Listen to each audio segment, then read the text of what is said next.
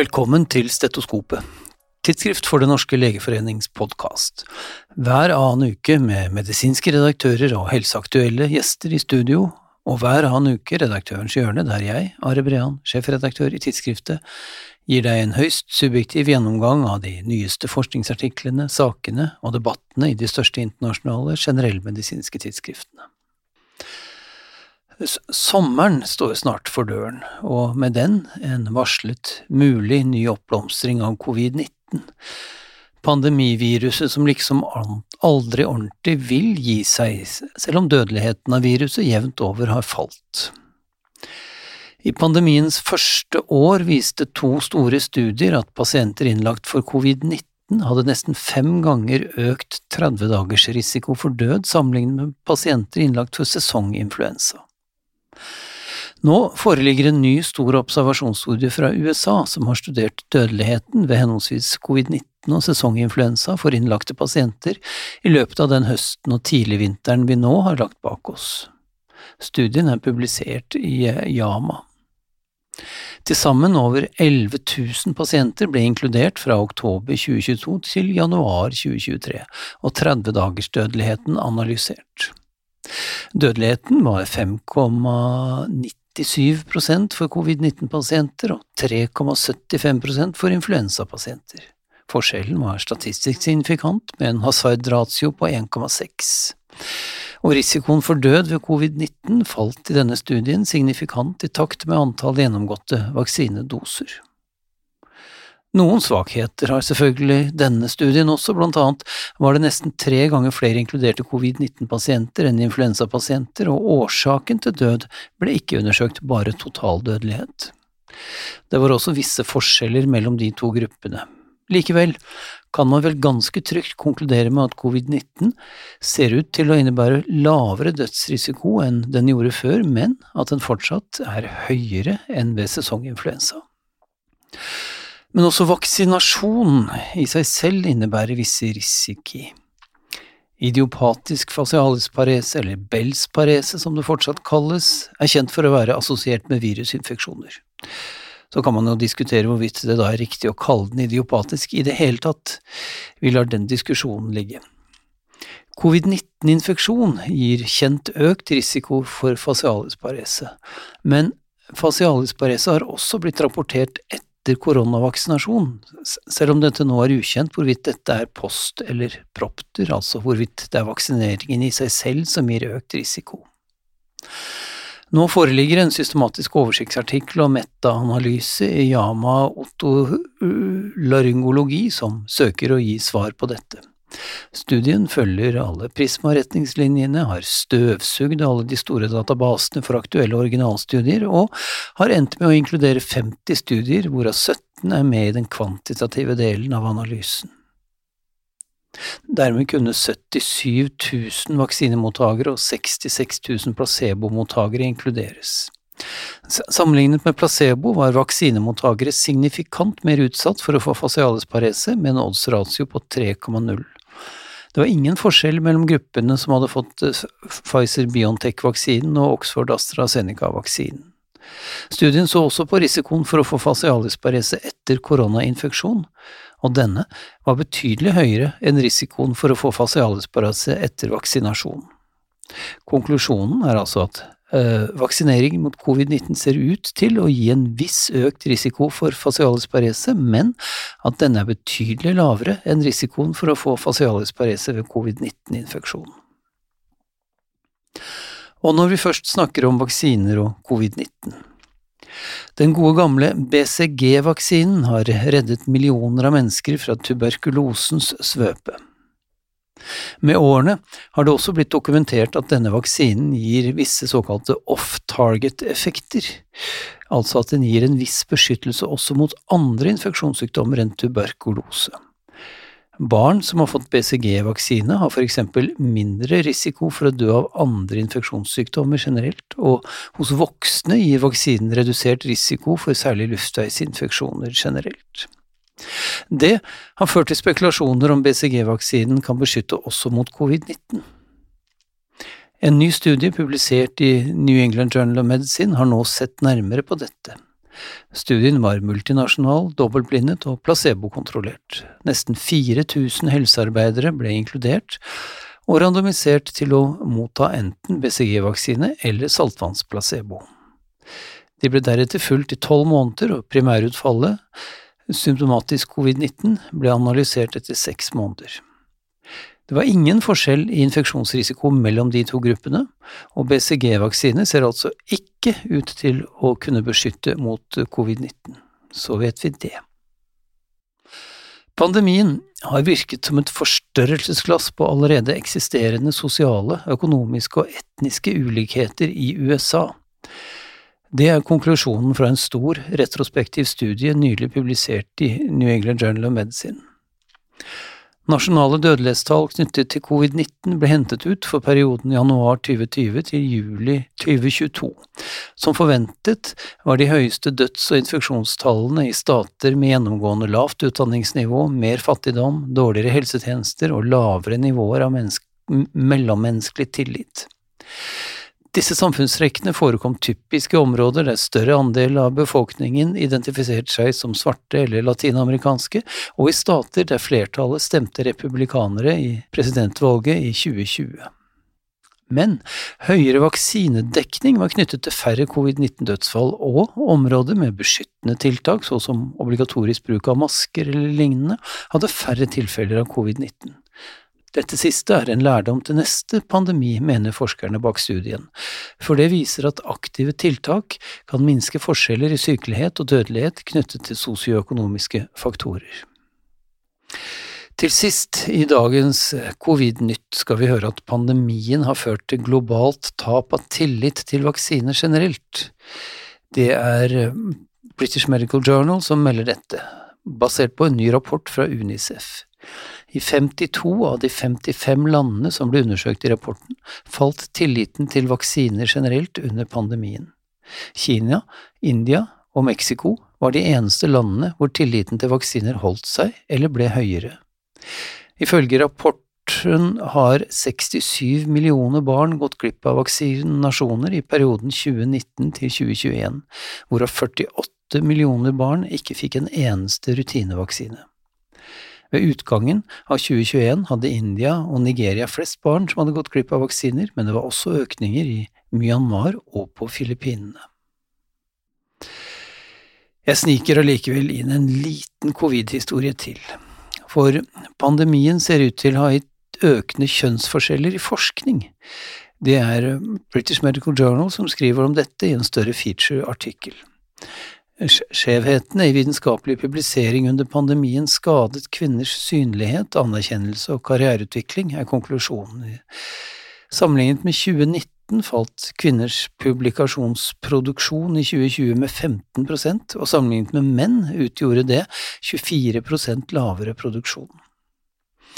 Bare i elleve av eh, BMJ sine tidsskrifter falt andelen korresponderende forfattere som var kvinner, fra 38,9% før pandemien til 22,9% i første halvdel av 2020. Og dersom vi ser på de aller mest produktive forskerne under pandemien, var forskjellene enda større. Av de 45 mest aktive forskerne i første del av pandemien var bare fem, altså 11% kvinner. Men hvorfor slike kjønnsforskjeller? BMJ har intervjuet flere som forsker på kjønnsforskjeller under pandemien, ja, for det finnes faktisk mange slike forskere. Disse fremholder at det er flere årsaker. Når alle ble tvunget på hjemmekontor, kan det se ut som om det er mennene som stakk av med seieren til å kunne sitte på hjemmekontoret og forske og skrive, mens kvinner i større grad tok seg av omsorgsoppgaver knyttet til stengte barnehager, skoler og generelt økende omsorgsbehov. Dessuten har kvinnelige forskere i mange land mer usikker jobbtilknytning enn menn, og nå ble de satt nederst i hierarkiet. Dessuten, del to, når menn skulle se seg om etter samarbeidspartnere, så fant de nettopp andre menn i større grad enn før pandemien. Likestilling ser altså ut til å, i likhet med fenomenet tillit, være noe som mye raskere brytes ned enn det bygges opp. Det er i seg selv et tankekors. Og når vi først snakker om kvinnelige forskere, har du hørt om Rosalind Franklin? Ikke det, nei. nettopp.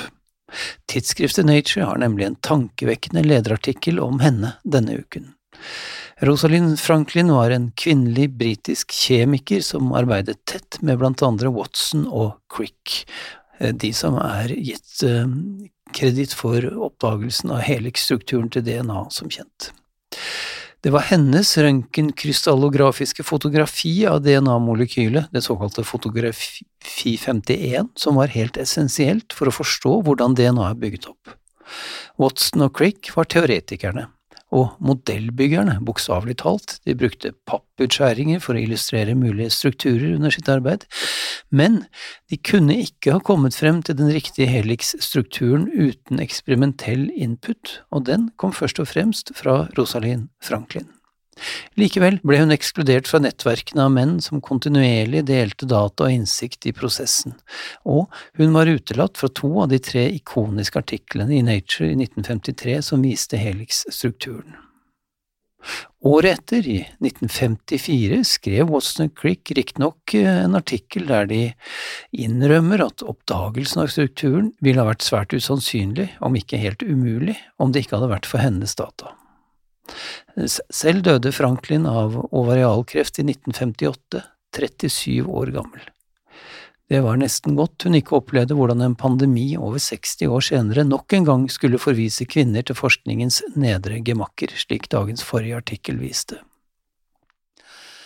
Mere kvinner, nærmere bestemt transkvinner, at transkvinner også kan få prostatakreft, er for så vidt vel kjent gjennom flere publiserte kasuistikker, men hvor stor risikoen er, har vært ukjent. Nå foreligger en studie fra Veterans Affairs helsesystem publisert i Yama.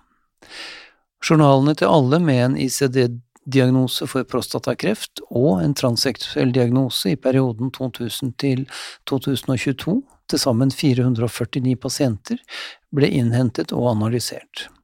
Sammenlignet med ratene for cis-menn var forventet årlig antall nye tilfeller 33 per 10 000, mens det observerte antallet i transkvinnene var 14, altså om lag halvparten.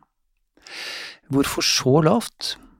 Det er i alle fall to mulige forklaringer. Én, at diagnosen stilles sjeldnere hos transkvinner fordi man ikke tenker på at de faktisk har en prostata og derfor ikke undersøker for prostatakreft, og to, at østrogen har en suppressiv effekt på utviklingen av prostatakreft.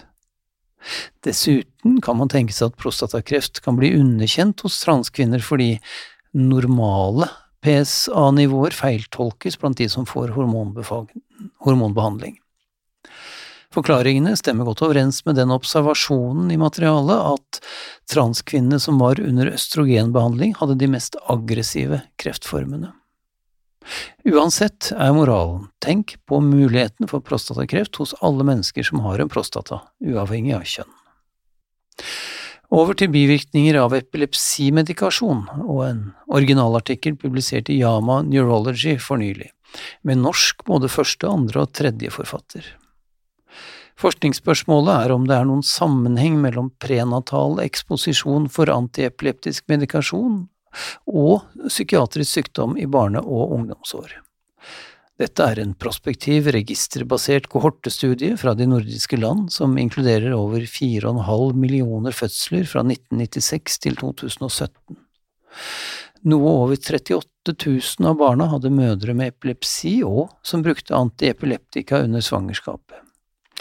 Prenatal eksponering for valproat var assosiert med økt risiko for psykiatrisk sykdom i barne- og ungdomsår, hovedsakelig i form av forstyrrelser innenfor nevroutviklingsspekteret, og prenatal eksponering for lamotrigin, karbamazepin og okskarbazepin var ikke assosiert med økt risiko for psykiatrisk sykdom, mens prenatal eksponering for topiramat var assosiert med ADHD og eksponering for levetiracetam med angst og ADHD. Alt i alt er det altså fortsatt grunn til å advare mot bruk av valproat i svangerskap, som før, mens det for lamotrigin, karbamazepin og okskarbazepin er betryggende funn. Så til BMJ igjen, der en større systematisk oversiktsartikkel og metaanalyse har sammenlignet kirurgisk og konservativ behandling for ischias. Å operere eller ikke operere ved ischias er, som de fleste vil vite, en stadig tilbakevendende problemstilling med til dels ganske sprikende evidens. Denne eh, studien inkluderte 24 randomiserte kontrollerte originalstudier.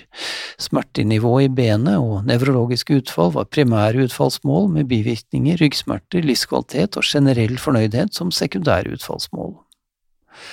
Kortversjonen av funnene er at diskektomi ser ut til å være mer effektiv enn konservativ behandling eller epidurale steroidinjeksjoner for å redusere bensmerter og nevrologiske utfall, men at forskjellen avtar over tid, og at resultatene etter tolv måneder er tilnærmet like ved de tre behandlingsformene.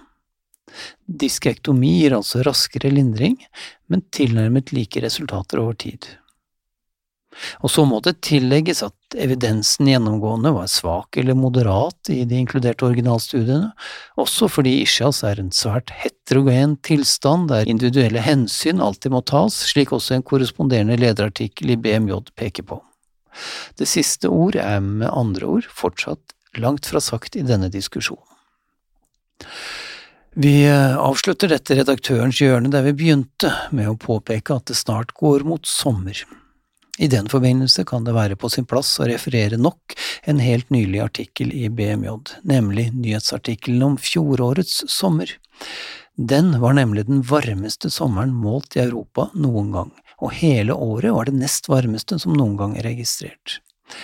En eh, rapport fra World Weather Attribution har beregnet at hetebølgene sist sommer førte til over 20 000 premature dødsfall bare i Vest-Europa, altså i hovedsak i høyt utviklede land med godt helsevesen. Nok en gang altså kan vi slå fast at klimatrusselen er et av vår tids største helsetrusler, og at vi er nødt til å strekke oss enda lenger for å ha håp om å oppfylle FNs klimamål. Vi høres neste gang.